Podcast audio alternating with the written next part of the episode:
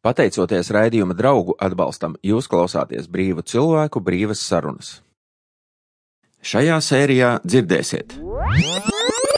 Nu, ja sākās īsts ziepes, tad eh, kaut kā arī tā psihe pielāgojās. Un, ja tev ir izvēle vai nošākt tevi, vai nošākt tu, tad, eh, tad droši vien to lēmumu pieņemt ir vienkāršāk. Bet es tiešām ceru, ka līdz tam nekad nenonāktu. Tas nozīmē, ka ja viņš eh, ieraugot okupantu uz ielas vienkārši izbāzīs stobru pa logu ārā un sāk šaut, ja, nu, viņš varbūt kādu nošaus, varbūt ne, bet uh, ar viņu principā ir beigas tajā brīdī. Ja. Mednieki kopumā 22,000 ar 57,000 šaujamieroču ieroču. Ja? Šobrīd, ja tie ir moderni, moderni, mūsdienīgi šaujamieroči, tehnoloģiski attīstīti strēlnieku ieroči, ar kuriem mēs šodien šeit pārbaudot, saprotam, ka mēs varam satriekt arī mūsu ienaidnieku kilometrā un pat vēl nedaudz tālāk.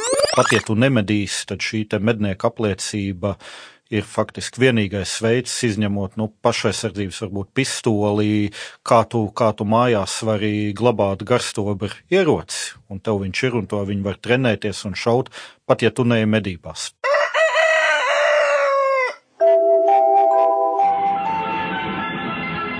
Jautājums no provinces. Speciāla izlaidums.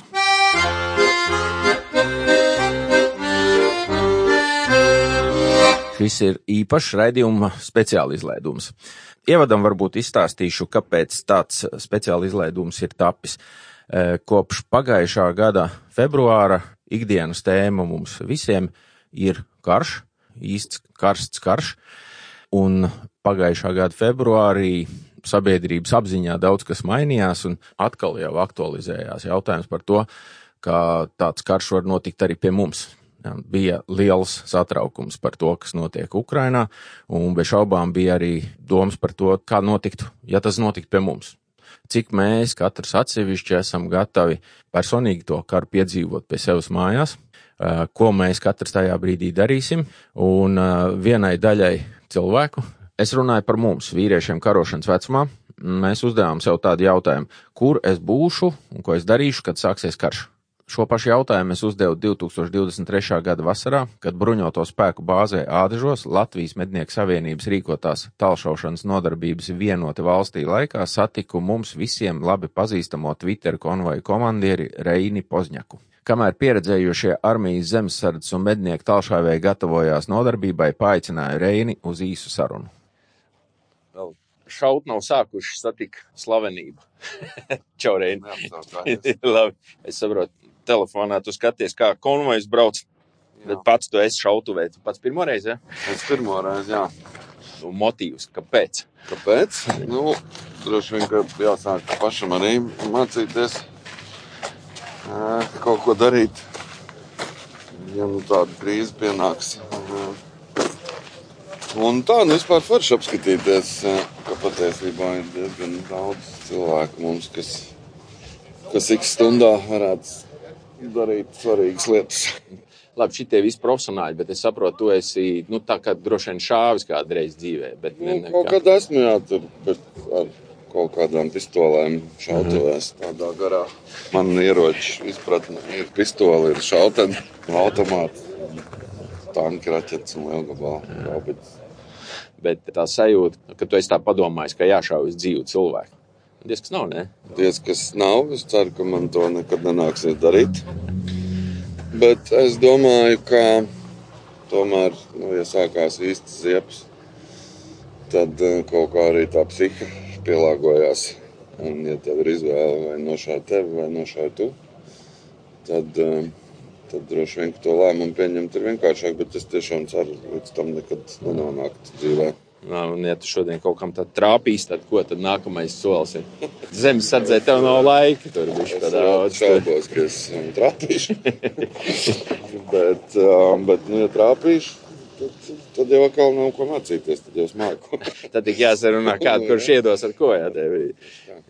Bet pirms diviem gadiem tu biji pacifists. Jā, tad kaut kā izdomāt. Nē, es nebiju baigais pacifists, bet uh, arī nebiju baigais aktīvists. Nu, tā visu laiku. Nē, nu, īstenībā kopš 14. gada es, uh, protams, arī tūlīt stāšos zemesardzē, bet es sāku, vat, piemēram, skriet ar domu, ka es sapratu, ka es, nu, piemēram, savus bērnus nevarētu panest pat 200 metrus. Ja, ja nu kaut kāds liels ziepes un, un, un, un sāk, jā, sāk skriet, lai vienkārši fiziski būtu, būtu gatavs un to ziepes tomēr notiek. Tu esi civilists. Bet tev tagad jādomā par karu nevis tādu abstraktu, bet viņš ir pilnīgi reāli. Tā, tā iespējamība nav viens procents lielāka. Eh, tā sajūta nav baigta patīkamā. Nu, ir divi varianti. Vai nu tu kaut ko gaidi un cer, ka kaut kā izgriezīsies, vai tu mācies šaut un skriet. Jā, Diez, tā, tā ir. Diezgan kas nav, bet, bet nu, ko darīt? Tāda dzīve, tāds būs kaimiņš, visu mūžu droši vien arī tur būs. Un, un ir jābūt gatavam, jo gatavāk un jo vairāk un gatavāk mēs būsim, jo mazāk viņam gribēsies šeit kaut ko darīt.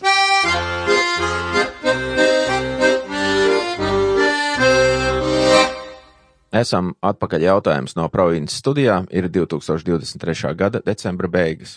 Viens no maniem sarunu biedriem šajā speciāla izlaidumā ir Mārtiņš Vērdiņš. Sveiks! Sveiki! Eh, Mārtiņ, iepazīstini klausītājs ar sevi, kas tu esi, un, un ja varbūt kaut ko aizmirsīs, es pielikšu no sevis klāt vēl. Jā, nu, kas varētu interesēt publiku, jā, tad uh, atceramies, vai bruņotajos spēkos iestājas 91. gadā, pareizāk sakot, zemesardzē, tad zemesardzē es faktiski no pirmajām dienām. Um, lēnā garā no 91. gada attīstījās mana karjera, izgāju, gan biju, gan uh, strādājis bataljonu līmenī, gan uh, zemesardzes līmenī un nobeidzu dienestu 2007. gadā jau kā apvienotā štāba uh, viena no departamentiem, viens no nodaļas vadītājiem. Kurā gadā tu pabeidzi aktīvu? 2007. gadā tas jau bija nodienēti kaut kādi 19 gadi. Jā. Līdz tam tātad mēs tev varējām saukt par profesionālu karavīru. Profesionālu karavīru jā. jā, tas bija aktīvajā dienestā. Jā. Diemžēl 2007. gadā mēs tikko bijām iestājušies NATO, jā, un, un noskaņojums bija tāds, nu, dzīve izdevusies, jā principā, kas mums ir vajadzīgs, tie ir pāris orķestri, jā, un, un, un goda sardze, un vispārējo mūsu vietā izdarīs kāds cits, jā, un viss bija tik pozitīvi noskaņot jā, par nākotni, jā, kad īpaši neko negribēju darīt. Jā. Nu, attiecīgi es aizgāju civilajā dzīvē, jo man bija attiecīgs arī civilā izglītība. Un šobrīd tu esi rezerves karavīrs vai kas tu esi? Es uh, atradu priekš sevis tādu vidusceļu. Es kritizējot sistēmu, negribu būt daļa no sistēmas. Tas kaut kā baigi nepareizi manā skatījumā. Tāpēc es jau, protams, ka sen varēju iestāt zemesardzē, bet es atradu pie sevis citu variantu, tikko parādījās uh, iespējas piedalīties rezerves karavīru mācībās. Ja? Es šo iespēju izmantoju, un tur ir tāda iespēja, ka nebrīvprātīgi tev var izsaukt vienreiz piecos gados, bet brīvprātīgi tu vari darīt to katru gadu. Un tādā veidā es jau kuru tur, nezinu, astoto gadu, laikam, piedalos katru gadu rezerves karavīru mācībās, pēdējā laikā pat pēc savas specialitātes, un jūtos ļoti labi, ka man no manis tiešām ir pienesums. Es tikai tur skraidu pa lauku, ja tur uguns un kustība, ja, bet varu strādāt savā bijušajā specialitātē. Un, uh, lai pavisam salikt punktus, uh, kas varbūt mūsu civilajiem klausītājiem nav tik svarīgi, bet varbūt kādam ir svarīgi, tad tava pakāpe vai uh, amats? Rezerves kapteinis rezerves kapteinis, nu, amata, amata šajā gadījumā nav, ja es esmu rezerves karavīrs. Esmu. Bet uh, nemēdz būt bijušie karavīri, ja, ar vienu acu seko ar visiem notikumiem, ja, un vienkārši redzēja, kāda, nu, tā situācija pagriežās uz, uz to slikto pusi, kuru mēs savā laikā jau bijām paredzējuši un kā skatījušies uz to perspektīvu uz 20, 30 gadu uz priekšu, es redzu, ka tā situācija pa, pamazām uz turieni griežās. Tas ir kaut kāds, tas pats astotais gads, ja notikuma Gruzijā, ja, kas pēc tam notika, ja tā retorika. Un tad es sapratu, nu, kaut ko jādara. Ja? Nu, tad es vienkārši paskatījos, ko citi dara tādā situācijā, sapratu, ka varu veidot blogu, ja? apskatīt savas, publicēt savas domas. Nu, ja kādam tas liksies noderīgi un pareizi, tad būs arī tie, kas lasa, ja? komunicē, diskutē. Un tādā veidā var pievērst uzmanību. No turienes arī pacēlās arī nosaukums blogam Varabungas. Ja? Kurā gadā tu sāki savu blogu? Tas ir 12. gada beigas, jā, 12. gada beigas es vienkārši nevarēju vairāk klusēt, jā. Nu, tā pa īstam no 13. gada sākuma. Jau gandrīz katru dienu ieraksti, un tas nosaukums Varabungas bija tieši saistīts ar to, ka pievērst uzmanību, daudzīt kā es saku, ar lomiku pa sliedi, ja, ka kaut kas notiek. Ja. Un gandrīz jau bija, godīgi sakot, 14., 15., 16. gadā bija tāds sajūta, nu, viss, pa ko es gribēju brīdināt, viss jau ir noticis. Ja. Principā var taisīt bodīt ciet, tad pagaidīšu vēl to, pagaidīšu, ar ko tur beigsies, un tā, un tā mēs turpinam jau šobrīd 11. gadu. Ja. Jā, un šeit mēs esam nokļuvuši pie uh, mūsu sarunas šīs te šaurās tēmas. Tātad ģimenes tēvs, cilvēks, kurš šobrīd nav armijā, visticamāk nav arī rezerves karavīrs. Varbūt dienējis ir ļoti sen piemēram, nu, bijis iesaukts Latvijas regulārajā armijā 90. gadu sākumā vai kaut kā tam līdzīgi, piemēram. Uh, nav cilvēks, varbūt nav pat ar ieroci, vai varbūt ir ar ieroci, bet nu ne militārs.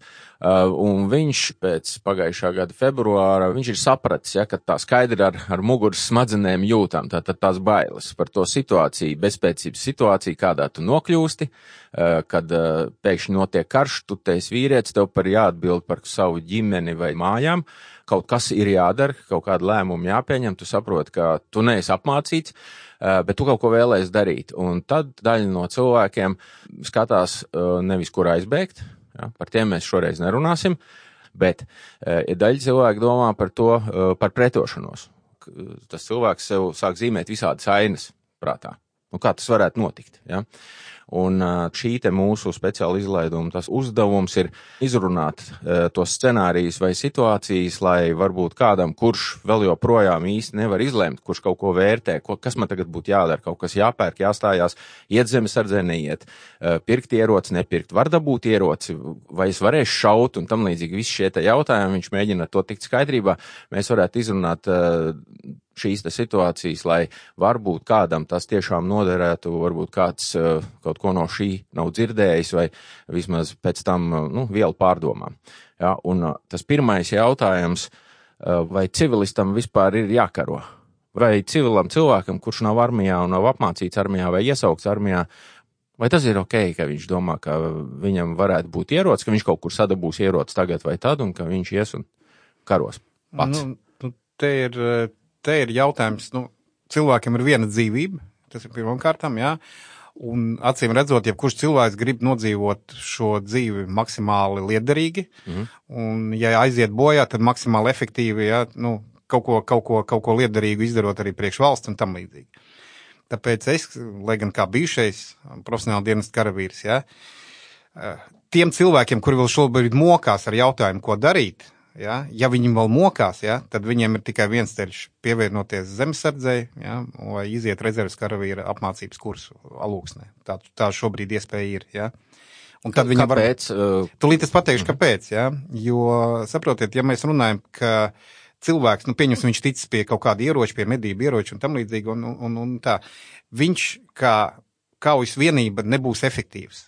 Nebūs tik efektīvs, cik viņš varētu būt, piedaloties līdzīgi labi apmācītu uh, cīņbiedru grupā. Ja? Tas nozīmē, ka ja viņš ieraugot okupantu uz ielas vienkārši izbāzīs stobri pa logu ārā un sāk šaut, ja, nu, viņš varbūt kādu nošaus, varbūt nē, bet uh, ar viņu principā ir beigas tajā brīdī. Ja. Uh, profesionāli nodarbojoties, nu, pie, piedaloties zemesardze un tam līdzīgi, cilvēks iesaistās operāciju veikšanā, piedalās operācijās, tur ir izdomāti gan pietuvošanās ceļi, gan atkāpšanās ceļi, gan evakuācijas un tam līdzīgi. Visi vienādi apmācīti, iedots nepieciešamais ekipējums, kas nav tikai ierocis, ja, bet arī daudz citas lietas un, un tam līdzīgi. Tur ne tikai, tur ir ļoti liela cerība gan uh, uzdevumu savu izpildīt, gan dzīvi nepazaudēt un turpināt citu uzdevumu izpildi. Bet, ja mēs runājam par vienkāršu veidu, es, es, es varbūt šajā vietā, lai tad pārtraukt, man šķiet, ka pat to, ka karavīri ir labāk sagatavoti karošanai, patiesībā diez vai kāds strīdās vai kāds apšauba, ka ja tu esi karavīrs un tu esi. Es, armijā, es, es nepabeidzu domu, jā, es, es nepabeidzu domu, tulīt, es, tad mēs principā šobrīd izrunājam par tādu civilis, kurš mokās ar jautājumu. Jā. Jā? Tā ir viena daļa. Jā, jā un kuram vēl nav ierocis. Jā, a, ir, ir viena daļa veču, jā, mhm. kuriem viņi nemokās ar jautājumu. Viņi vienkārši gatavojās. Viņi vienkārši gatavojās, viņiem ir visas atbildes jautājums cits, kāpēc tāda motivācija, bet viņi nekad nekur neies stāties, ja, jo viņi ir izdomājuši, ka viņi ies to savu individuālo ceļu. Un... Es par šo te nekur neies stāties jautājumu. Vai tu piekrīti, ka var būt kaut kādi nevis objektīvi, bet pamatoti apsvērumi, kāpēc cilvēks uh, nevēlas piedalīties, uh, nu, teiksim tā, armijā? Man ir, man ir tāds paziņa, ja mēs ar viņu pietiekami daudz diskutējām par šo tēmu, un mums ir uh, oponējām viens otram, ja, un mums ir šobrīd, nu, tas neizšķirts, varētu teikt, viens, viens vai divi, divi, ja, un, un tam līdzīgi tā doma. Jo viņa motivācija balstās uz to, ka viņš nevienam netic, netic uh, komandiera kapacitātei, netic augstākās vadības kapacitātei, netic valdības kapacitātei kaut ko labu uh, organizēt un, un panākt.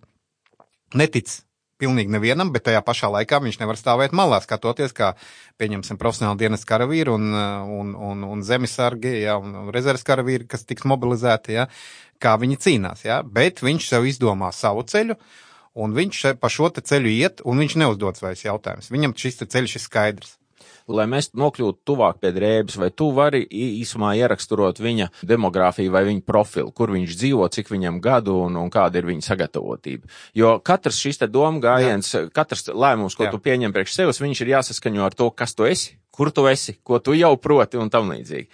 Par viņu, piemēram. Nu, Jā, tā. nu, kā jau teicu, tātad tie veči paši ekipējās un tu ieroci tikai viena daļa. Ļoti labs, dārgs ekipējums. Ja. Viņam Dārgs, sagā... tas nozīmē patiesībā labs, kvalitatīvs. Jā, bet ko tad, jā, tas, ir, tas ir tūkstošos, tāpēc viņš uzreiz mēs varam pateikt, ko viņš ir neliels komersants, kuram ir šie brīvie līdzekļi, ko ieguldīt ekipējumā, savā sagatavotībā un tam līdzīgi.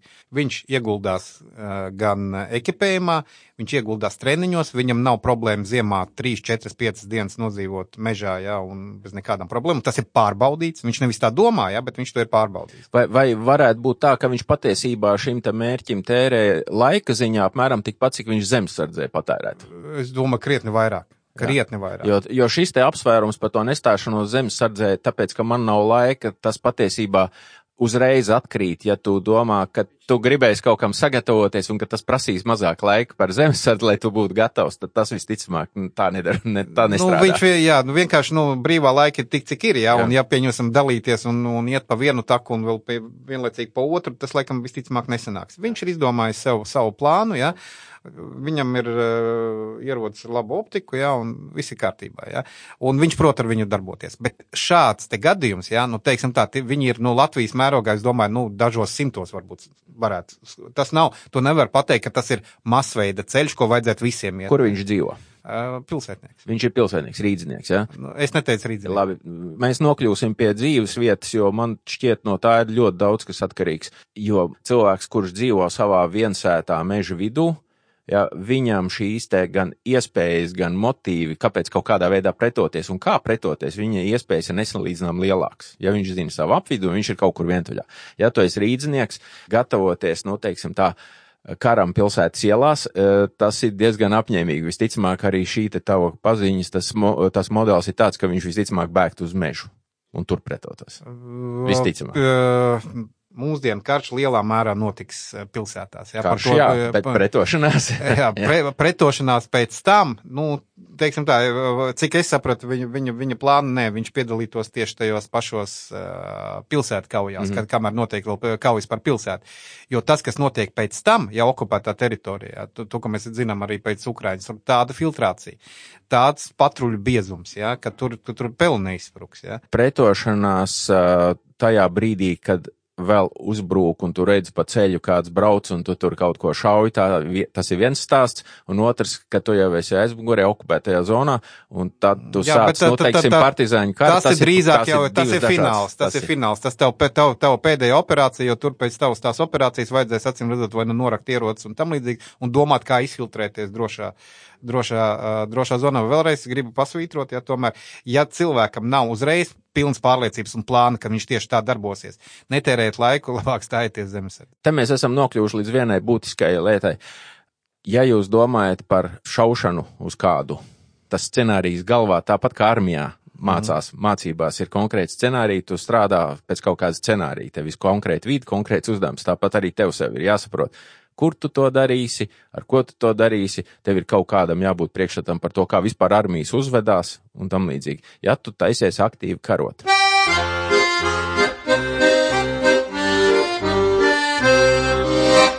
Un tagad es piedāvāju apspriest otru variantu, ko bieži vien cilvēki emocionāli varbūt iedomājas, ka viņam ierocis ir nepieciešams mājās tajā brīdī, ka kāds nāk, viņš te, to māju aizstāvēs. Jā. Un tas ir vēl viens scenārijs, un tur atkal ir Nē, uh, par šeit, ko padomāt. Ja? Vot šeit es gan, es teiktu jā. Es teiktu, jā, eh, tagad atkal skatāmies uz Izraels piemēru, jā. Ļoti daudz nožēlojuši, ka viņam tajā īstajā brīdī mājās nebija ierocis. Kaut kādiem iemeslu dēļ, jā. Ja būtu, tu tur būtu, pieņemsim, nu katrā gadījumā, nu nebūtu vienkārši tā par neko, jā, tev nebūtu paņēmuši tā kā tādu, tā kā vistu noķēruši, nogalinājuši. Jā, Bet šim scenārijam arī ir savas īpatnības. Tas- ši- šim scenārijam ir tādas īpatnības, ka tur nav vajadzīgi garie viļņstobri. Ja? Tur pietiek ar, pietiek ar, ar parasto īstobri ja, glabāšanai. Atļauja. Pulkojam izstobru. Īstobri, nu, ar pistoli. Jā. Pistoli vai revolveris. Ja, ja tāds mājās glabājas, atbilstoši likumam, atļauju var dabūt, nopirkt, un tas, es teikšu tā, tas ir drīzāk tuvāk patiesībai, m, ka tas var tiešām nodarīt kaut kādā pēkšņā situācijā, ja aizstāvot savu dzīvību, no tur pēdējos, nerunāju par, ja mēs cīnāmies pret regulāro karaspēku, diez vai tas palīdzēs, ja, bet, nu, kaut kas, un starp citu arī tīri psiholoģiski mazliet tas piepaceļ, ja, nu, ja kas tad man ir, reku šaujamais, es, es varēšu atšaudīties. Par atšaudīšanos tad, tad tulkojam un saliekam uh, precīzus uzsvarus. Tā atšaudīšanās, tā ir Tad tas ir vai- pēdējā, pēdējā aizsardzības līnija. Tas ir glābjot savu dzīvību. Tas noder mums ikdienā arī miera laikā, un juku laikos tas arī var būt ļoti noderīgs. Tātad šis scenārijs patiesībā varbūt ir pamats apsvērt, un tad jūs varat arī Jā. neiet mežā trenēties, gulēt ziemā guļamaisā trīs naktis, lai pārbaudītu, vai jūs to varat. Individuāli. Jā. Labāk stājieties zemesardze, Jā. tur arī pārbaudīs. Labi.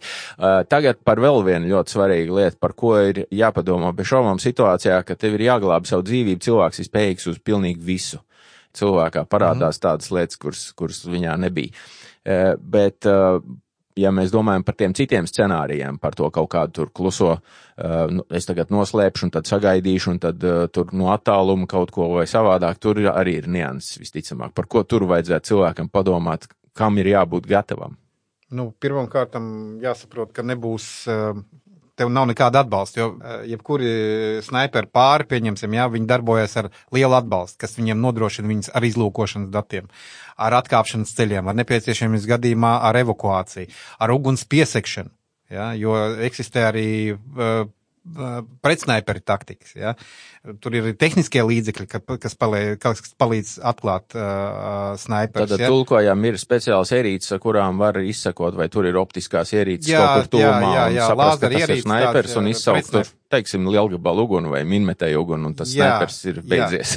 Tāpēc uh, tur tādā gadījumā ir jāatstrādā, jāatstrādā mm, ļoti kaut kāda interesanta individuāla taktika, kas prot iztikt bez tā visu. Un Tādus speciālistus, godīgi sakot, iespējams kaut kur gatavoja, bet uh, kaut kur uh, ārzemēs, jā, bet uh, pašmācības ceļā vēlreiz saku, to diez vai uh, var apgūt. Varbūt kaut kāds bijušais speciāla operāciju spēku karavīrs, jā, to varētu. Jā, bet mēs runājam par civilistiem. Mēs, mēs runājam par tas civilistiem, cits tāpēc stāsts. tas būs, manā skatījumā, tas būs dažu patronu izšaušana, jā.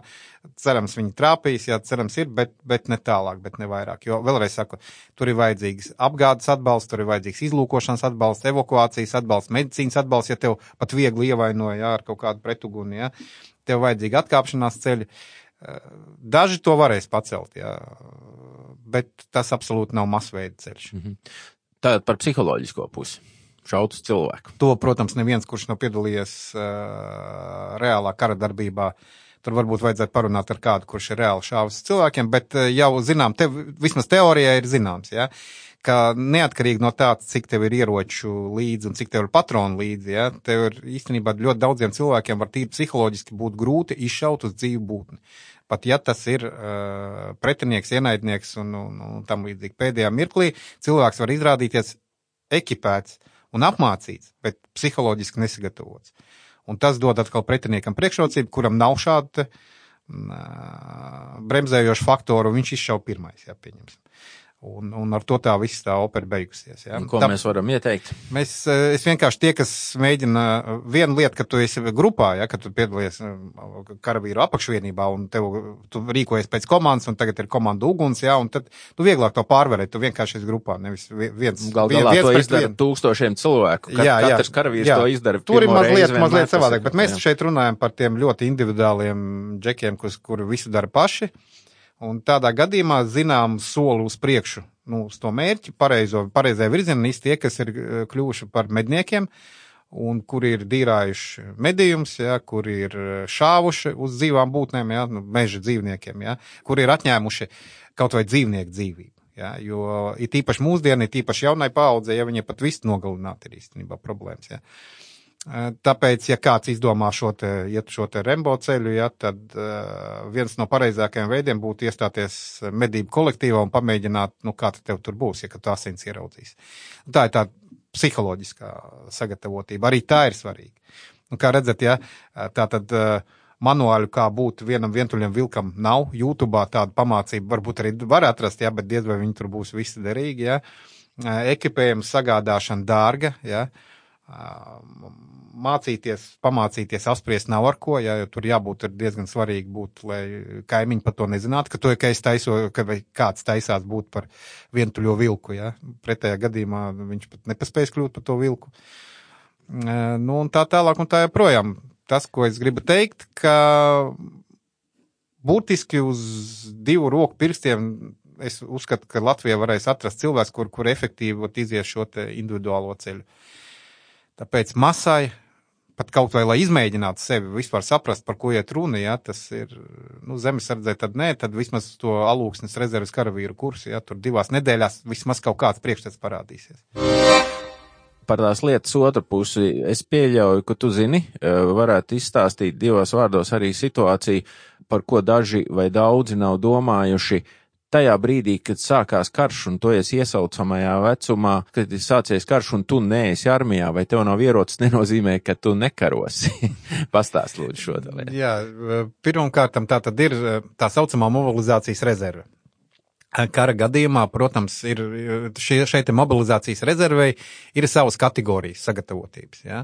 Un, principā, jebkurš Latvijas uh, vīrietis vecumā no 18, no 18 līdz 60 automātiski ir rezervists. Ja? Rezerv, rezervists nejaukt ar rezerves karavīriem. Jā, šīs lietas, starp citu, mēdz jaukt tad, kad jā, lasiet vai jā, klausieties, jā, man... mēģiniet sekot līdzi, kur ir runa par rezervistiem un kur par rezerves karavīriem. jā, re... ja, mēs visu jo... laiku pārdzīvojam par to, ka mums trūkst rezerves karavīri, tas jā. ir, cik mums ir liela armija, tie ir apmācīti karavīri. Jā, bet, bet tie, ar... tie ir pirmās līnijas, teiksim jā. tā, mobili, tā ir, viņi arī ir mobilizācijas rezerve, viņi, eh, viņi ir skolotāji, juristi, es nezinu, šoferi, šoferi un tam līdzīgi, tātad viņi ir izgājuši dienas, bijušie profesionāli dienas karavīri, bijušie tur viena daļa zemesargu. Ja, un tagad arī būs pēc valsts aizsardzības dienesta, viņi arī būs rezerves karavīri uzreiz. Ja. Un šī ir tātad pirmās kategorijas rezerves karavīri, kurus iesauks, varētu teikt, momentāli. Ja.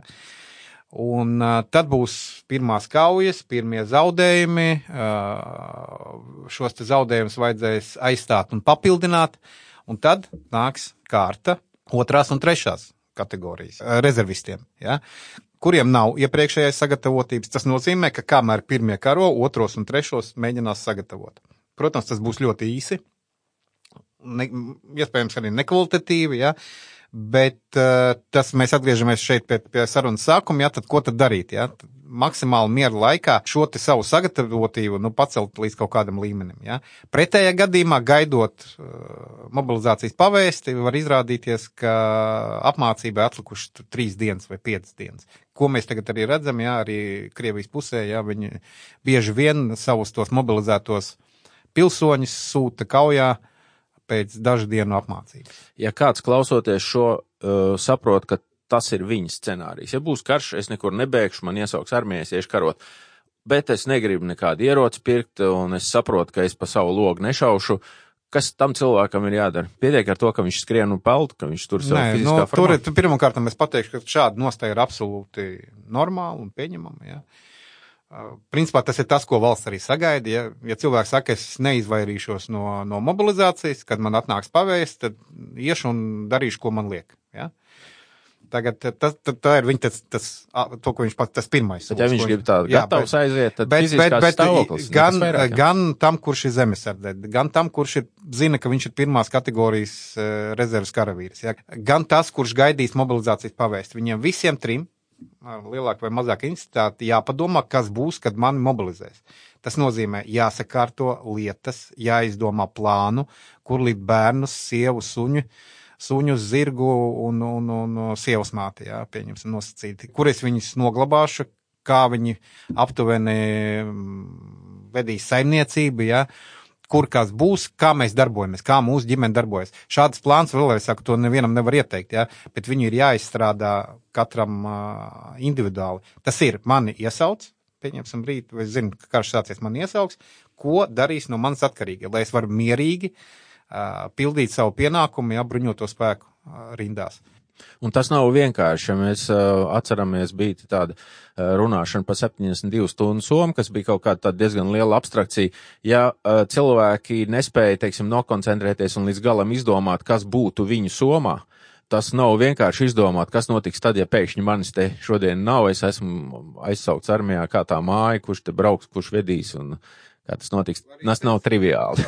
arī 72 stundu soma, principā ideja nav slikta sākumam, jā, bet tikai tad jāpaskaidro, ka 72 stundu soma ir domāta evakuācija. Tas faktiski evakuācija. To, ko cilvēks var paņemt sev līdzi, bet ja evakuācija nespīd, nav paredzēta vai nav iespējama, ja, tad jāgatavojas nevis 72 stundām, bet 72 mēnešiem, jā, vislabāk. Jā. Un tas ir samērā sarežģīti un, un, un principā arī dārgi. Ja? Varētu teikt tā, ka jebkuram cilvēkam jāatbild sev uz jautājumu, kādā veidā es varu nekļūt par nastu valstī krīzes situācijā, jo viņai tāpat būs jāpalīdz daudziem trūkumu cietējiem un vispār cietušiem. Ja? Tātad normāls, kārtīgs pilsonis varētu sev to mērķi nostādīt tā, kā vai es karošu, vai es nekarošu, kā, kā es varu nodrošināt, ka kaut kādu laiku es nestāvēšu rindā pie pašvaldības pēc bezmaksas zupas vai pēc, vai pēc dzerama ūdens. Ko es varu izdarīt jau šodien, vienu laikā, pakāpeniski, uzkrāt sev tādu spēju, lai es esmu autonoms, nu, pieņemsim, uh, divus mēnešus priekš, jā, var, varu izturēt. Nu, atpakaļ pie scenārijiem, tad, tad tiem, kuri kaut kādu iemeslu dēļ vēl joprojām nevar izvēlēties šo te doties uz zemesardzes bataljonu vai, vai pieteikties apmācībās alūksnē tajās divu vai vairāk. Tur ir, tur... tur ir mēnesis, bet reāli tas ir 15 dienas. Bet kaut kādā veidā grib gatavoties un tomēr domā par pretošanos, tad tas normālais ceļš būtu kārtīgi visu pārdomāt un vispirms domāt par to, kā tu aizsargāsi sevi. Nu, to es, te, es teikšu tā, tā kā viņam pakonsultēties diez vai būs ar ko, ja? tad, ja cilvēks nav dienējis, ja? nekur nekad, nekādā veidā, ja? pat pilnīgi bez nekādas, ja? es vienkārši neieteiktu ar to sākt nodarboties. Sanāks, um, nu, sanāks kaut kas ļoti neefektīvs tādā nozīmē, ja, ka cilvēks jau labu grib. Mēs jau saprotam, viņš grib palīdzēt valstī. Ja bet viņam jāatrod, jāatrod kas viņam traucē, ja viņam nav nekāda background, ja? iesaistīties tur, kur viņu iemācīt. Jā, bet mēs arī varam saprast cilvēks, arī man nokļūšana pašam personīgi līdz zemesardzē, es esmu ļoti ilgi mednieks, bet nokļūšana līdz zemesardzē 14. gads tur bija tas lūzums tas nebija vienā dienā, tu to vari izdomāt un izdarīt. Eh, bieži vien cilvēkiem, kuriem jau ir pietiekami gadi, kur nav pavisam jauni, tas prasa kaut kādas pārdomas un kaut kādus uh, soļus. Un, ja mm -hmm. cilvēks nopietni atgriežas pie šīs domas, un tas viņam spiež, tā teikt, uz smadzenēm, ja, iespējams, ka paņem tagad iegādājies ieroci, tiec pie ieroča, un tad skaties nākamo, vai tu esi gatavs domāt nākamo soli. Tas ir nu, normāls ceļš. Jā, tas būtu normāls ceļš. Sāks, sākt ar pašaizsardzības ieroci, jā, pēc tam varbūt uh, iet to mednieku ceļu. Jā.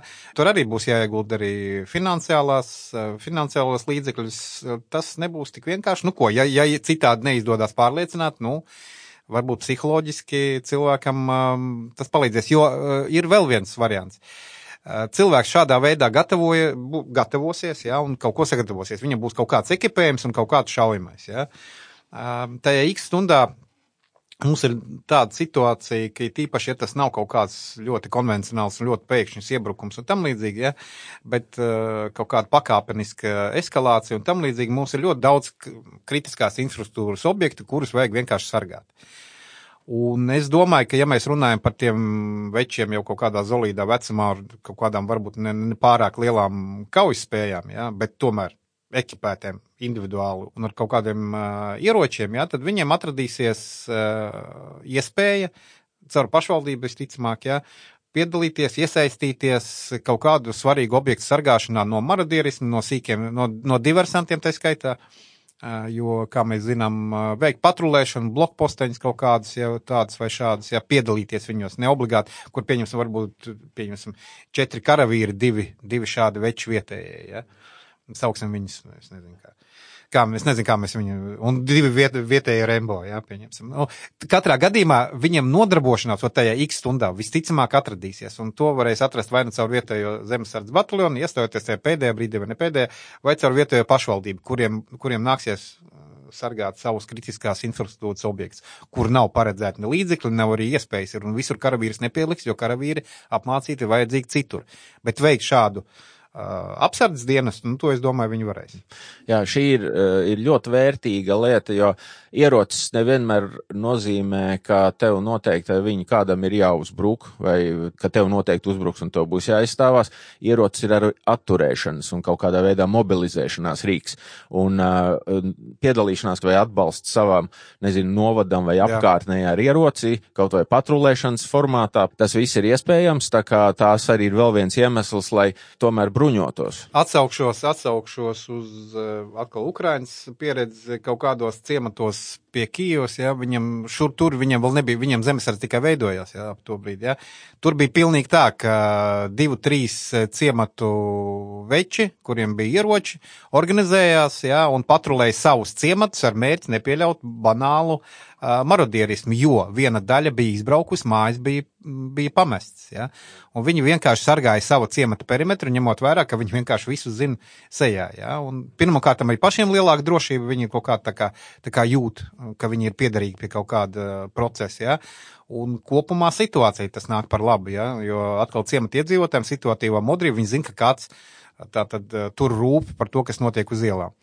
Un vēl nemaz svarīgā lieta ir šai bruņošanās tēmā, kas droši vien ir jāpasaka. Es ceru, ka tu piekritīsi, ka bruņota tauta ienaidniekam ir nepatīkamāka. Ja, Bet... ja mēs būtu pakārtu labāk personīgi bruņot un apmācīt kaut vai šautavē šaut, kaut vai ar tām pašām pistolēm apbruņot, tā ir pavisam cita situācija. Ienaidniekam pavisam ar citu situāciju jārēķinās. Ja šobrīd gan arī sanāk tā, ka tu rēķināt, ka kaut kāds tur 15 marodieru baru palaist iekšā ar mašīnās braukāt apkārt un pa viensētām, tā teikt, vārīt sūdus, tas ir tā, nu, gan arī drošos apstākļos, ja? Nu, tur ir tā, ka pirmkārt mums ir tā nacionālā kultūra kaut kā ļoti demilitarizēta, ja, pieņemsim atšķirībās Somijam, ja, viņam tā arī ir, ja, viņam ir tie uh, sporta, pussporta strelnieku klubi, ja, kur vienkārši veči tur savācās biedrībās, izveido šautuvu, satiekās, uh, kā saka, slīpēja savus, savus iemaņas, ja, tieši šaušanā, ja. Uh,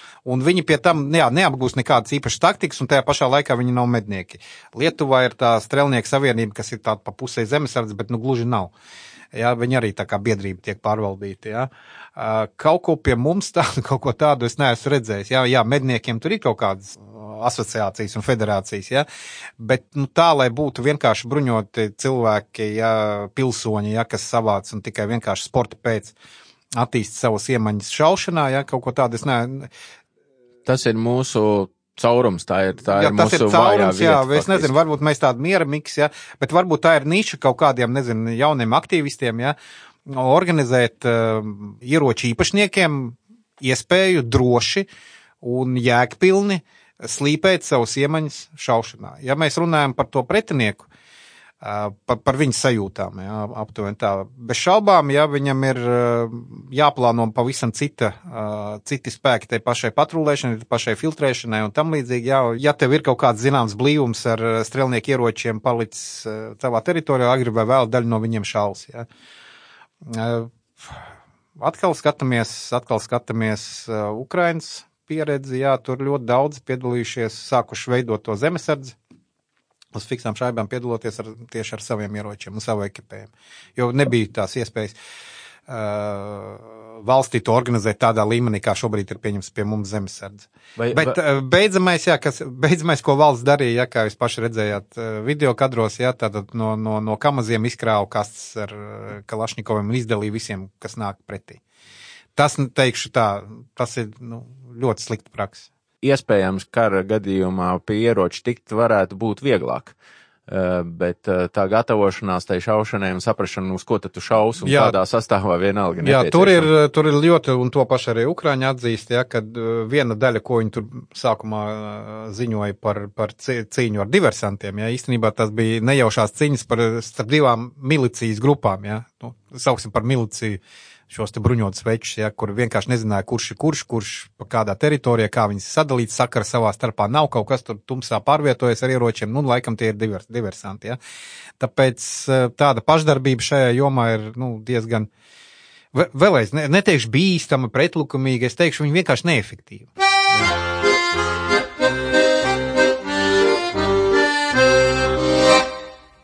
Sanācis tā, ka mēs uh, iedrošinām un, un atbalstām bruņošanos, cilvēku personīgo bruņošanos šajā sarunā. Bet, lai tas nešķistu tā pavisam saldi, viens atgādinājums, ar ko ir jārēķinās cilvēkiem, kuri šobrīd bruņojās. Latvijā ieroči ir uzskaitīti. Mm. Un tad, kad tu sāc bruņoties, tu saproti, tas tā, līdzīgi sajūta kā zemesardzē. Tad, kad tu iestājies zemesardzē, devi zvērestu, vienā brīdī tev pielēc, ka ja mhm. kas tev būs jāiet karā, un tev būs jāšauj un uz tevi šaus. Tas ir Jā, kaut kā tā, ar to jāsadzīvo. Un ar ieroci ir kaut kas stipri līdzīgs. Ja cilvēkam ir ierocis, par to zina ne tikai viņš. Uh mhm. -huh. Un ar to tev pēc tam ir jārēķinās. Iztēloties, ka tu dzīvo okupācijas apstākļos un tev skapī stāv tavs medību ierocis un neviens viņu nav paņēmis kopā ar tevi iespējams. Ja? Tas ir tā ir naiva iedoma. Jā, jo, kā, kā saka, apusē griezīgs ierocis, jā, tas ir, jā. No, no vienas puses tad, tad jāapsver, bet eh, tas, ko es gribēju teikt, ja jau mūsu likumi šādas tiesības pilsonim dod, tad izmantot šīs tiesības vai neizmantot, jā, tā ir, tas ir, tā ir viņa darīšana. Mēs aicinām izmantot es, un saprast, ka tas ir atbildīgi. Es uh, aicinātu nevis izmantot, bet pārdomāt šo jautājumu, tas no manas puses. Jo, kā, es, kā mēs tikko runājam, ne katrs cilvēks Eh, kuram vienkārši rokās ir ierocis, ir gatavs laist viņu lietā. Ja? Un tādā gadījumā viņš var apdraudēt arī pats sevi, ja viņš nav gatavs psiholoģiski viņu pielietot pret pretinieku, kurš arī ir bruņots. Vārdu sakot, ieroči individuālai karošanai un gadījumam, ja tā ir liela atbildība, tas prasa gatavošanos, rūpīgu plānošanu, un lai no tā visa, nu kā lai saka, lai atvieglotu sev dzīvi, ja jūs iedomājaties, ka jūs esat gatavs karot, tad tomēr zemesardze vai apmācība, un tas visu saliek pa vietām, vismaz, nu, tādā pamatlīmenī. Es, es pateikšu, ir vēl tas nultais līmenis pavisam, ja, kas visiem pienāks, ja, bet es jau teicu, ja, tas, tas ir nultais, tu zini, ka tevi neiesauks, ja, tu, tu, tu neesi nekādā veidā saistīts ar bruņotajiem spēkiem, bet tavos spēkos ir sagatavoties krīzē tā, lai nekļūtu par apgrūtinājumu savai pašvaldībai vai valstī, uh, attiecībā krīzes situācijās, gaidot palīdzību ar pirmās nepieciešamības precēm, pakalpojumiem un tam līdzīgi. Ja? Tas ir kaut kāds skaidrās naudas rezervi mājās, kas ir. Nu, tur ir daudz, daudz visādi jautājumi. Ja? Tad sagatavoties uh, ilgstošai izdzīvošanai krīzes situācijā, es teiktu tā, ka tas ir katra pilsoņa pienākums. Karos viņš nekaros, uh, ir viņš tādā kondīcijā, ka viņam ir jākaro, vai viņš ir jau pieņemsim tā, bet sagatavoties, kamēr ir tagad miera laiks, pa, pa nelieliem, principā, ne, pa nedaudz investējot šādai tā, krīzes situācijas noturībai. Jā, to miera laikā, desmit gados, pieņemsim, jā, pakāpeniski var uzkrāt diezgan nesliktā līmenī. Un vai tev šķiet, ka mums desmit gadi ir atvēlēti? Jā, es teikšu tā, ka karot pret 21. gadsimta armijām. Ja? Ar 20. gadsimta armiju nu, ļoti neefektīvi, tas ļoti resursu patērējuši, ja, un lai cik būtu liela Krievija, ja, viņam arī tie uh, cilvēku resursi nav bezgalīgi. Tāpēc tas, ko es gribu teikt, ja mēs redzam, ka viņiem uzdevums būtu attīstīt ne tikai militāru rūpniecisko kompleksu, bet attīstīt viņu, pacelt viņu 21. gadsimta līmenī, tur es pateikšu, pat varbūt arī 30 gadi ir pamazs. Tāpēc, ja, vi, ja viņi plānot karot ar tankiem. Jā, pagaidiet, vienu mirklīti. Ja? Tas, ir, tas ir saka par konvencionālo iebrukumu NATO teritorijā. Konvencionāls tas tāds karš pilnā augumā. Bet kas var notikt jau pat gada griezumā, vai daži mēneši, varbūt rīt, ja?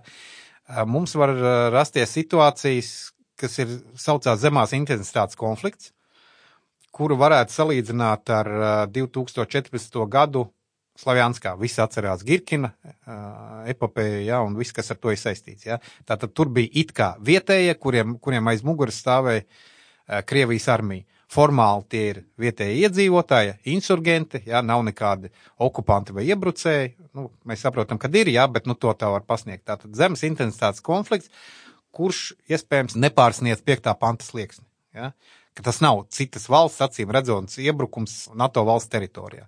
Bet kaut kādi kā iekšēji nemieri, tā kā diversijas, tā kaut kāda nemiernieku bruņotas grupas, kur parādās te šur, te tur neobligāti latgalē. Ja, un tam līdzīgi. Ot šāda tipa konflikts, un tur arī būs iesaistīti mūsu nacionāla bruņotie spēki ļoti lielā mērā, ja jau to visu vajadzēs apkarot, to visu vajadzēs atkal uh, objektus sargāt. Uh, viņas būs jāķer, viņas būs jāizspiež, viņas būs jāiznīcina. Ja? Tas arī var būt tāds zemes intensitātes konflikts, kāds bija aptuveni, ja kāds atcerās jau šobrīd 14. gada notikumi Donbasā. Ja? Nu, kaut kas uz to pusi.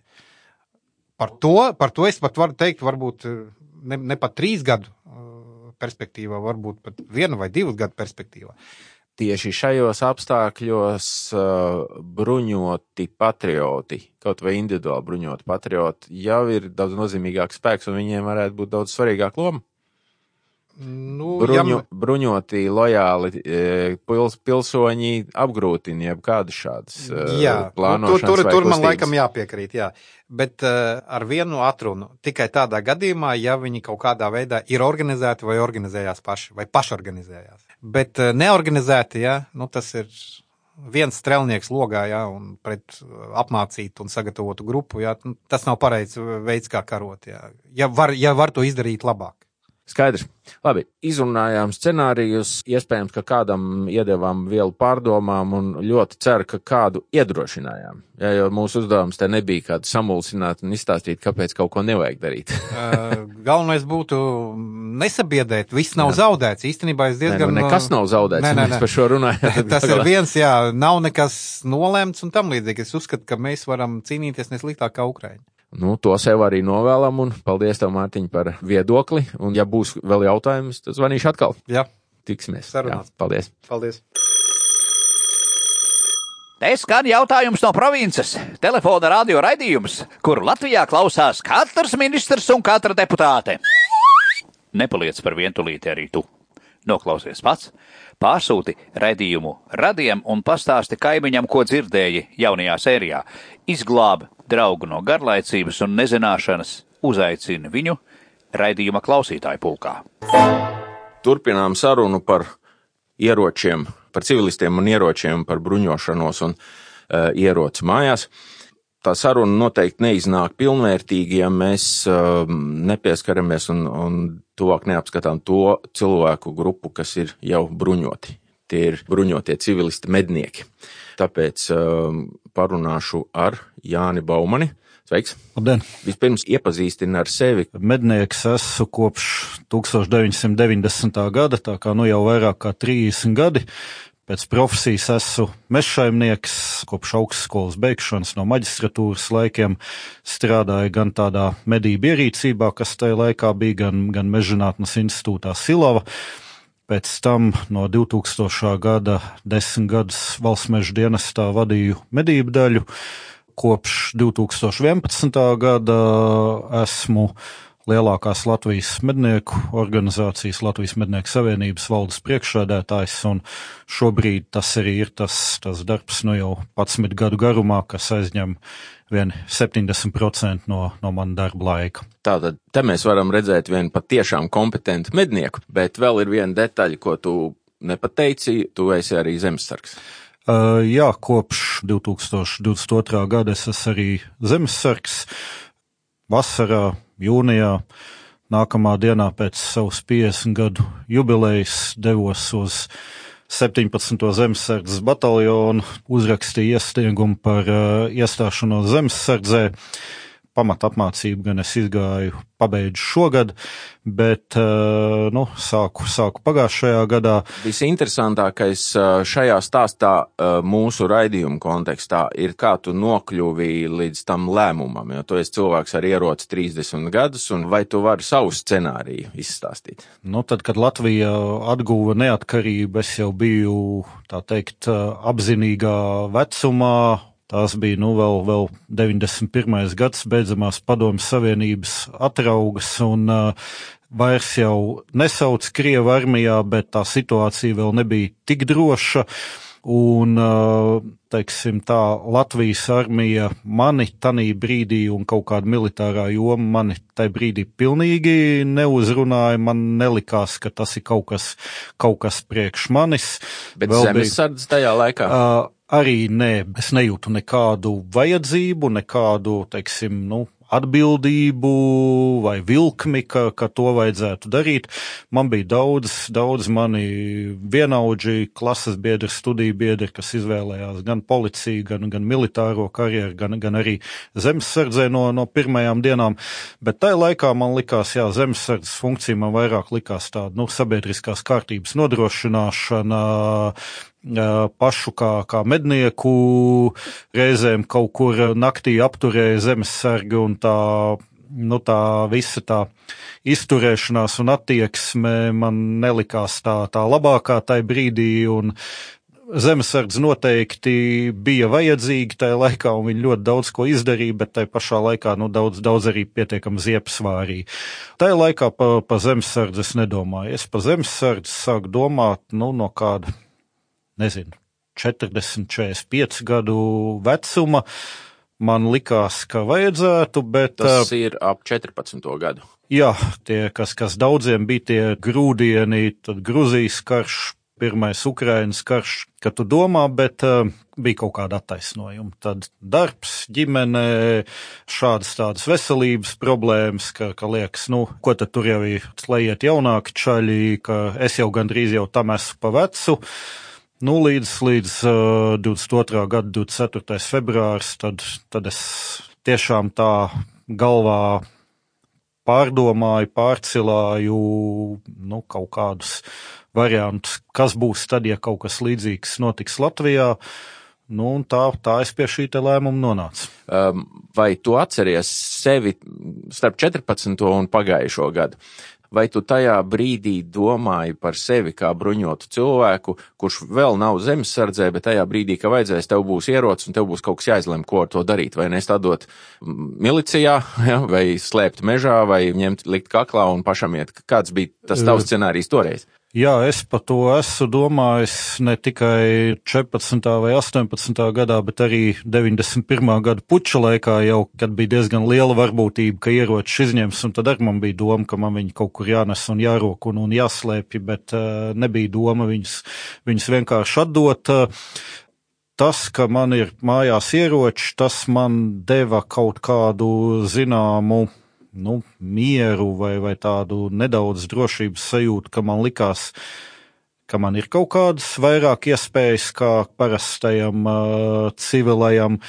Bet, bet arī nu, lielāka atbildība. Arī reiz. lielāka atbildība, protams, un tai pašā laikā, ejot gadiem, uh, es vai, arvien vairāk uh, sāku saprast to, ka, ka tas ierocis mājā, nu, tas īsti nav risinājums un ka tas nav glābiņš.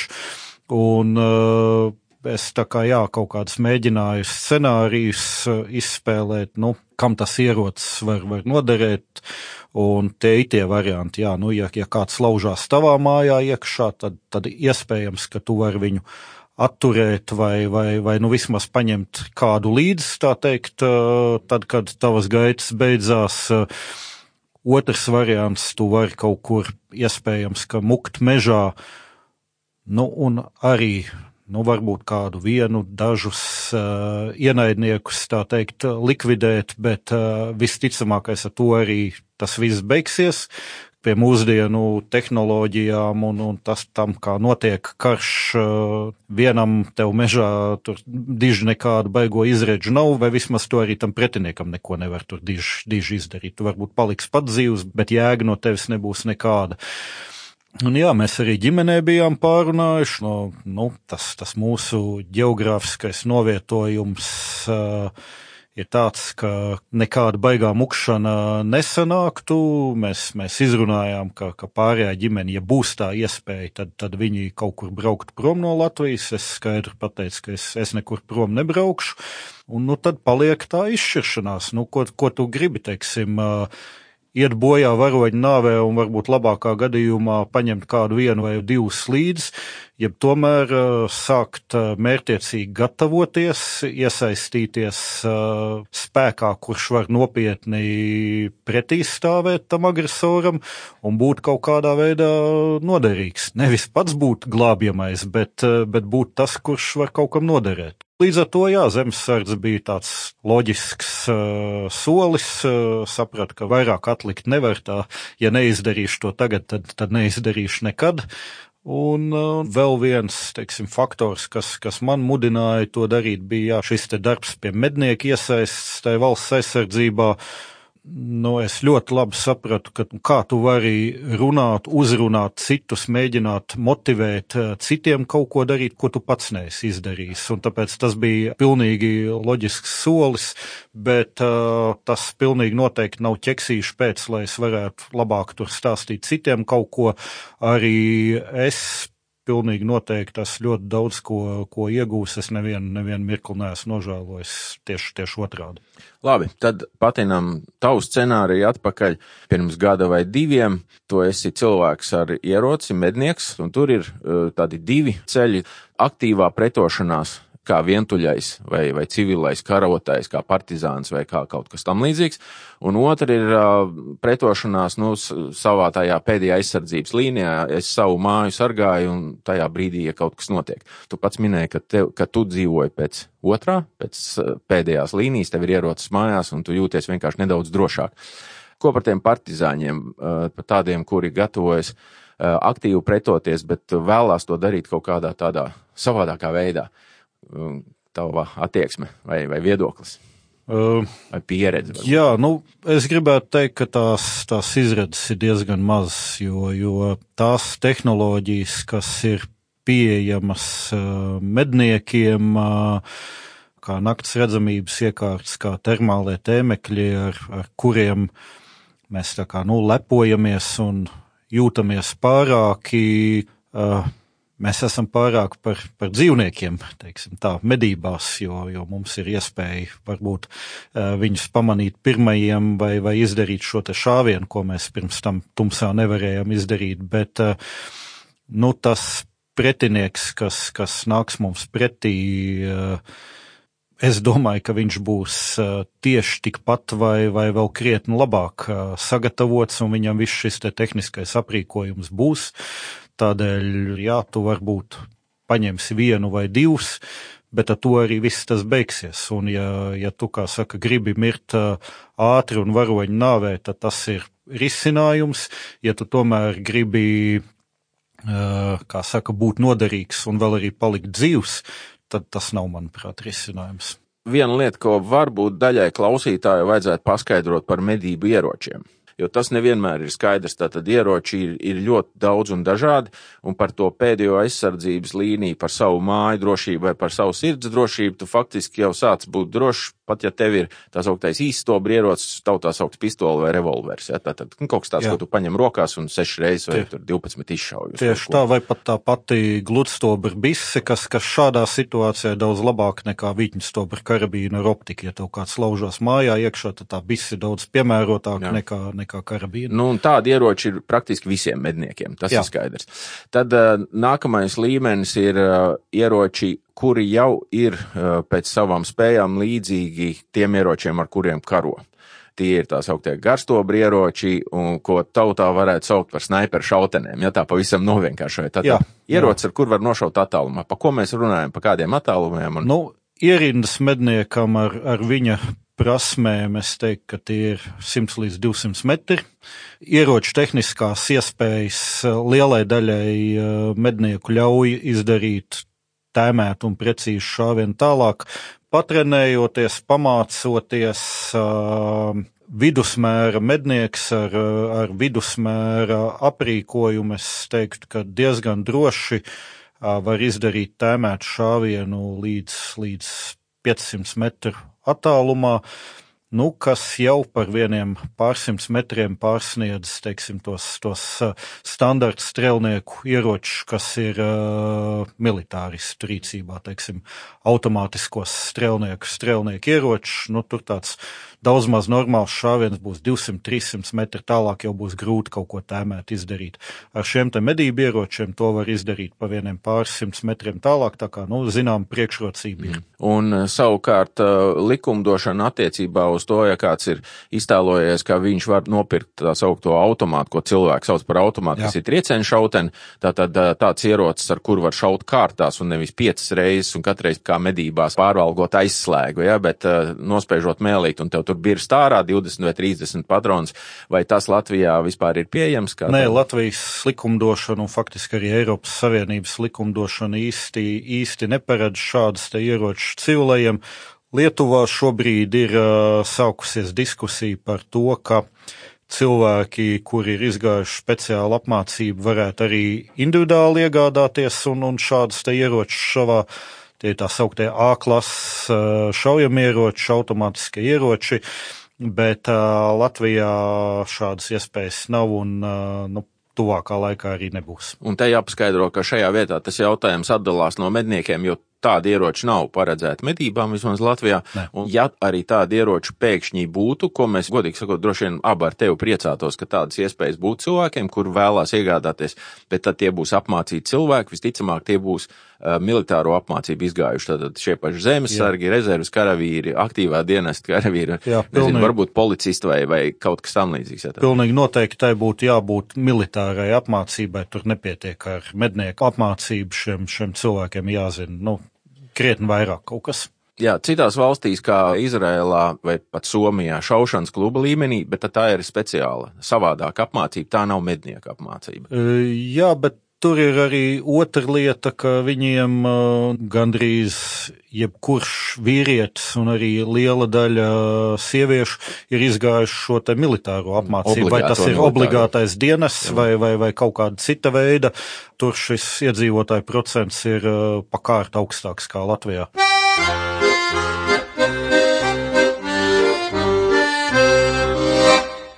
Atgriežamies 2023. gada vasarā Ādažu poligonu šautuvē, runājam ar Jāni Zandbergu no Latvijas mednieku savienības par tiem medniekiem, kuri šeit pārbauda savus spēju šautuvē un jau tagad neatpaliek no profesionālajiem karavīriem ne ieroču, ne prasmju ziņā. Tātad mērķis un iemesls šim pasākumam ir 2017. gada Nacionālā drošības likuma grozījuma, kas pirmo reizi Latvijas pastāvēšanas vēsturē, Latvijas brīvvalsts laikā tā nebija, kas paredz to, ka cilvēkiem ir ne tikai tiesības, bet arī pienākums izrādīt bruņot pretošanu. Bruņot pretošanos var izrādīt tie cilvēki, kuriem ir, ir ko bruņoties un ko to darīt.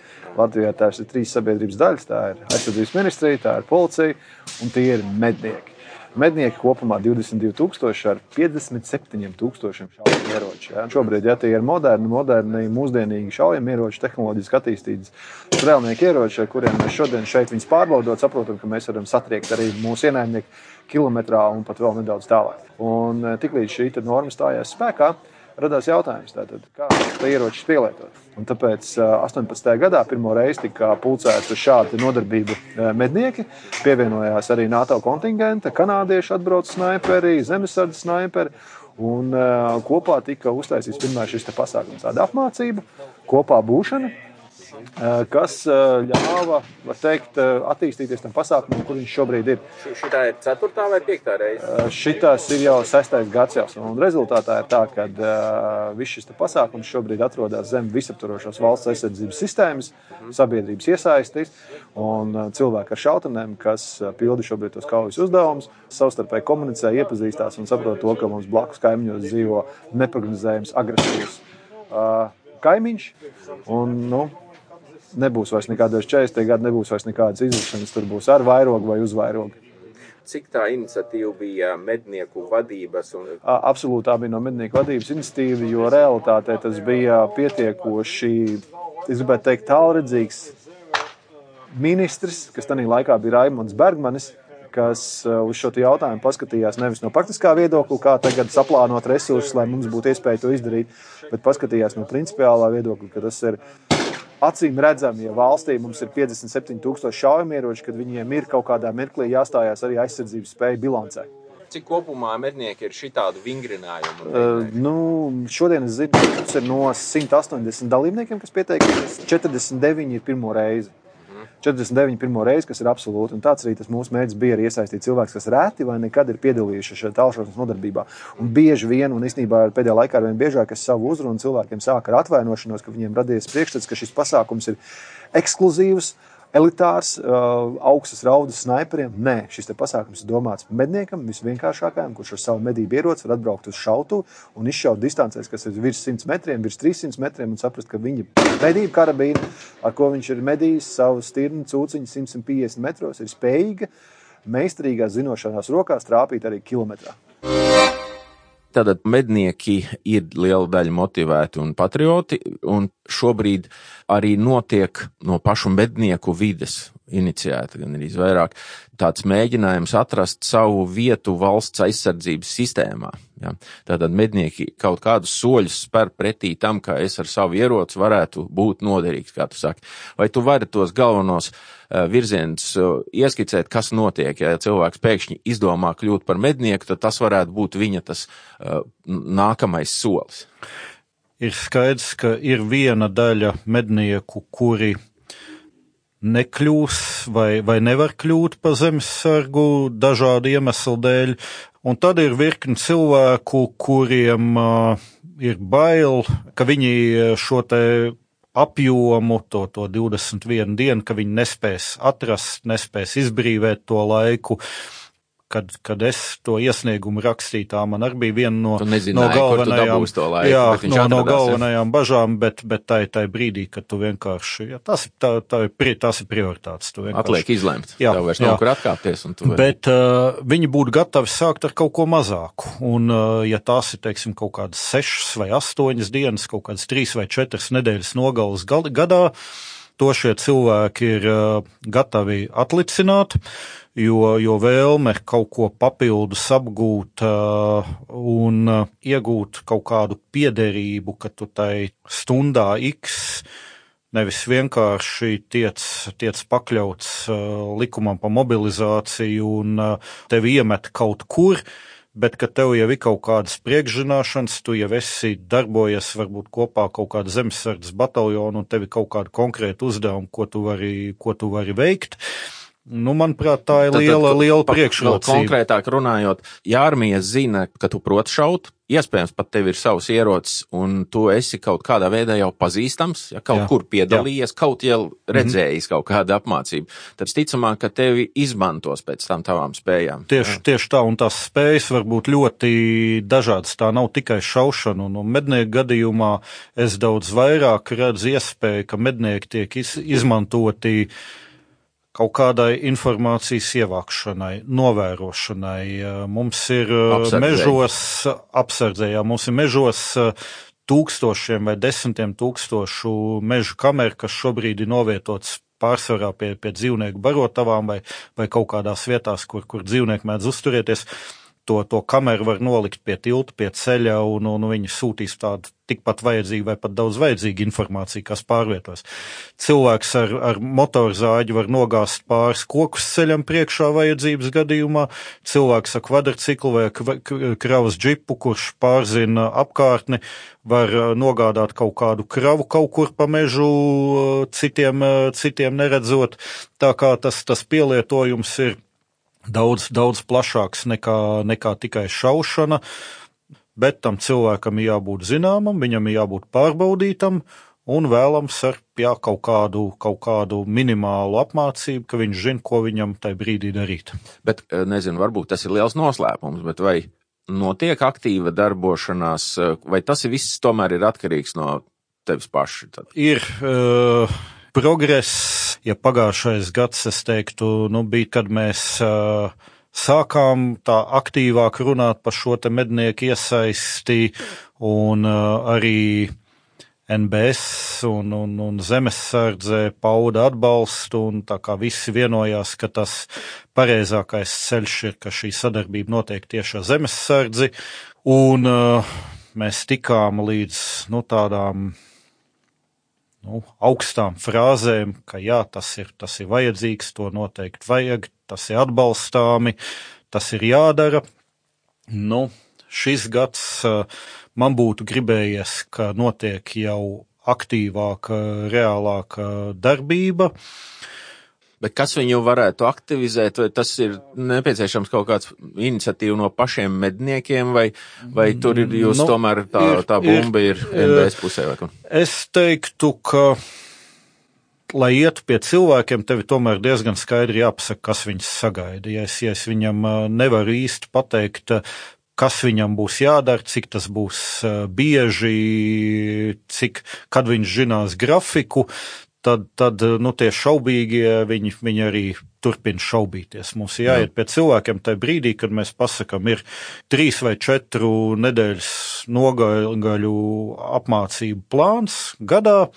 Un Pirmkārt, tā ir, tā ir šī te, nu, uzticības veidošana, kontaktu veidošana, tie, tie cilvēki zināmi, viņi tiek pārbaudīti jau tajā brīdī, kad viņi uzraksta iesniegumu, ka viņi vēlas šādu te apmācību iet.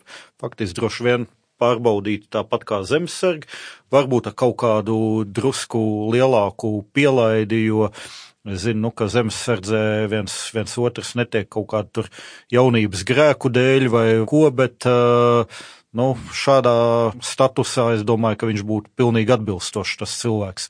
Un tur vēl ir tāda nianse, ka visticamāk pie šī scenārija tā nav zvēras došana, un tu paliec civilists. Tu paliec es domāju, ka jā. Bruņots civilists jā. mednieks. Jā.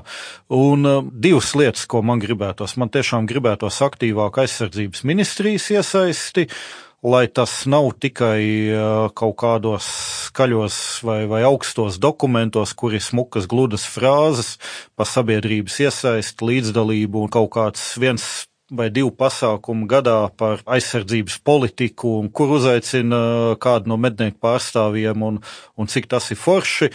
Bet ka tiešām tā iniciatīva pārauga tādā reālā, reālā darbībā. Uh, Un no zemesardzes puses man gribētos tiešām tādu apstiprinātu apmācību plānu, jo tas, ko es šobrīd novēroju, ir eh, atsevišķu cilvēku iniciatīvu no zemesardzes puses, brigādes vai bataljonu līmenī, kuri sapratuši, ka, ka tas ir noderīgi, kuriem šī ideja patīk, bet uh, es domāju, zemesardzē komandieru līmenim ikvienam ir skaidrs, kā notiek pamatapmācība, kā notiek tālāka apmācība, kas, kas katram zemesargam kādas mācības jāaiziet.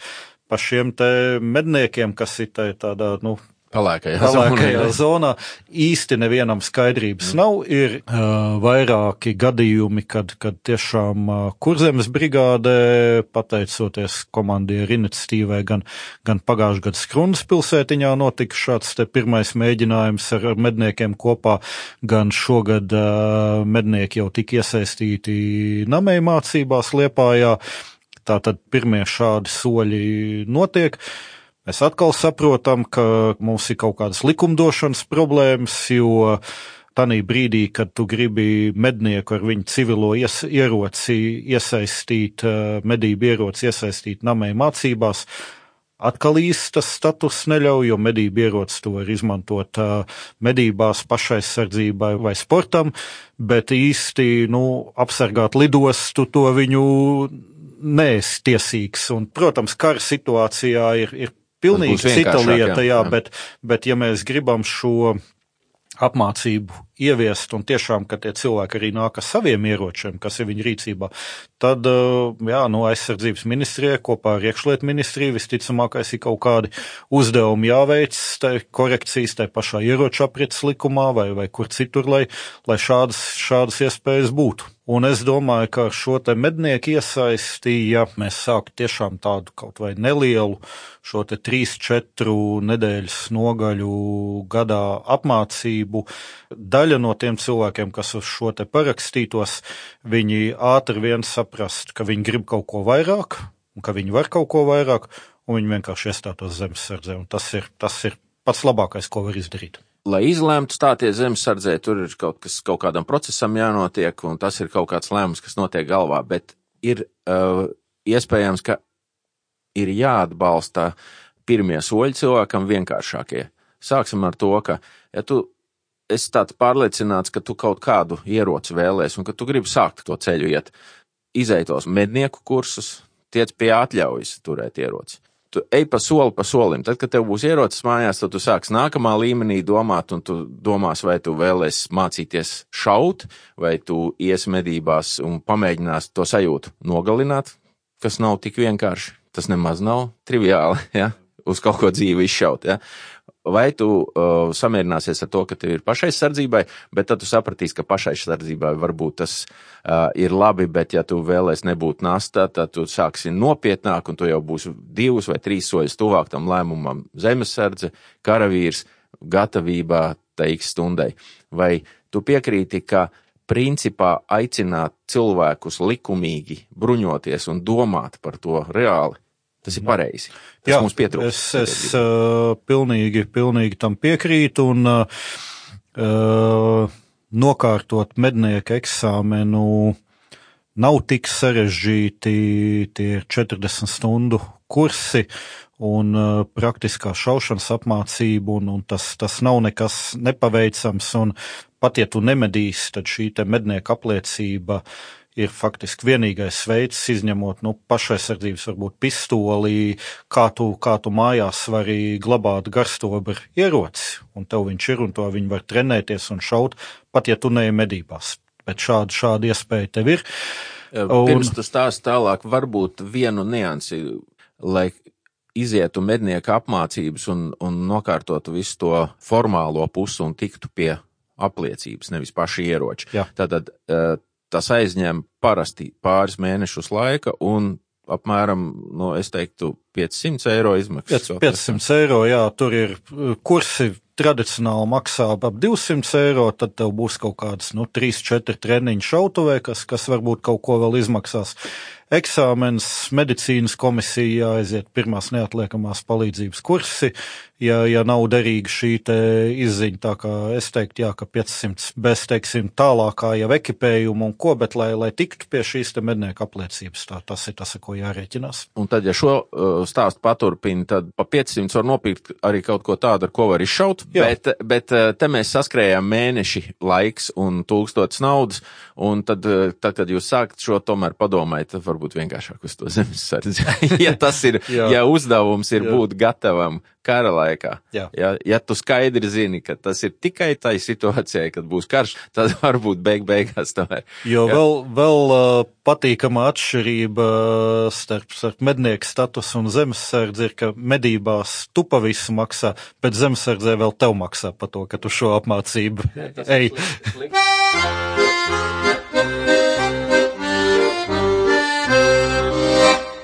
Sabiedrības attieksme pret bruņotiem cilvēkiem. Ļoti vispārinot.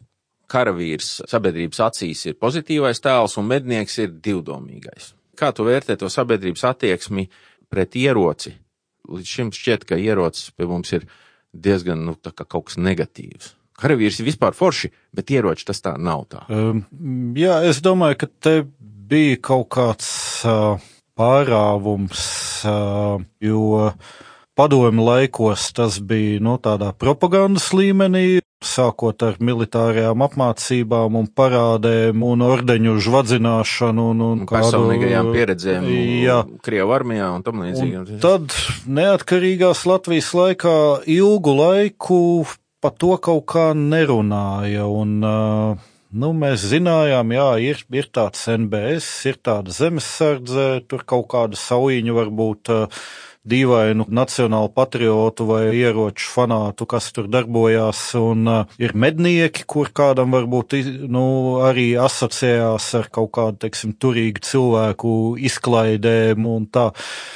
Un, uh, Tie ieroči, viņi bija no, no sabiedrības kaut kur tika slēpti un, un nerādīti, bet beidzamajos gados es domāju, ka ļoti pareizi, ka gan uh, skolu jauniešu pasākumos, pašvaldību pasākumos, nozaru pasākumos, ka ir policijas stendi, ir zemesardzes stendi, ir NBS stendi, kuri cilvēki ar stāju, kuri demonstrē šos ieročus, kuri ļauj tiem puikām ar mirdzošajām acīm apskatīties, apčamdīt, varbūt pacilāt.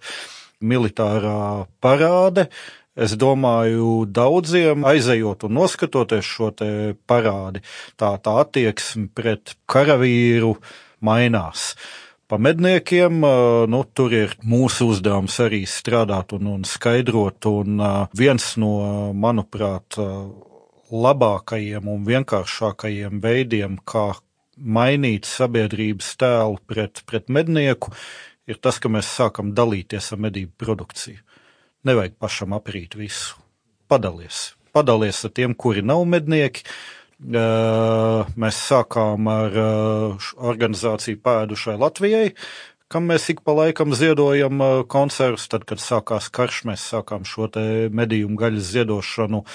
Un šī te padalīšanās arī parāda, ka tu kaut kādā, ka tu tomēr esi, nu, atbildīga un organizēta sabiedrības daļa. Uh, Katram no mums ir par to tēlu jādomā, viņš jāveido, un mums nav jālien zem deķa un jākautrējās par to, ko mēs darām kaut kur klusiņām, lai neviens nezinātu. Tieši otrādi mums ir visiem jārāda, jāstāsta, un tas, tas jādara kopā ar, ar lauksaimniekiem, ar mežsaimniekiem, kuriem ir jāpasaka, ka situācija tāda, ka bez medniekiem ne lauksaimniecība, ne mežsaimniecība šobrīd Latvijā kā ekonomiska nozara pastāvēt nevarētu. Galvenais ir, ir tiešām jārunā un nav ko, nav ko kautrēties par to, ko mēs darām. Un, bet, jā, nu, katrs mednieks šo tēlu veido.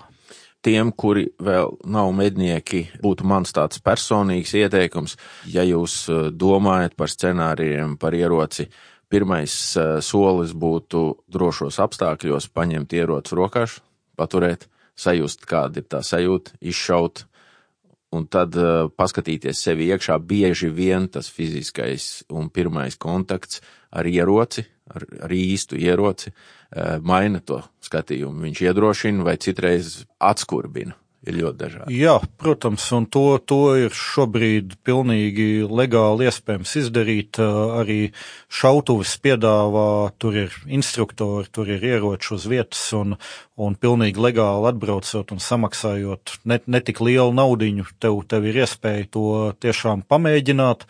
Un, jā, kā tu teici, ir viena daļa, kur tas ievelk, ir viena daļa, kur saprot, nē, tas nav mans bet vairāk, vairāk pavalkās. Labi.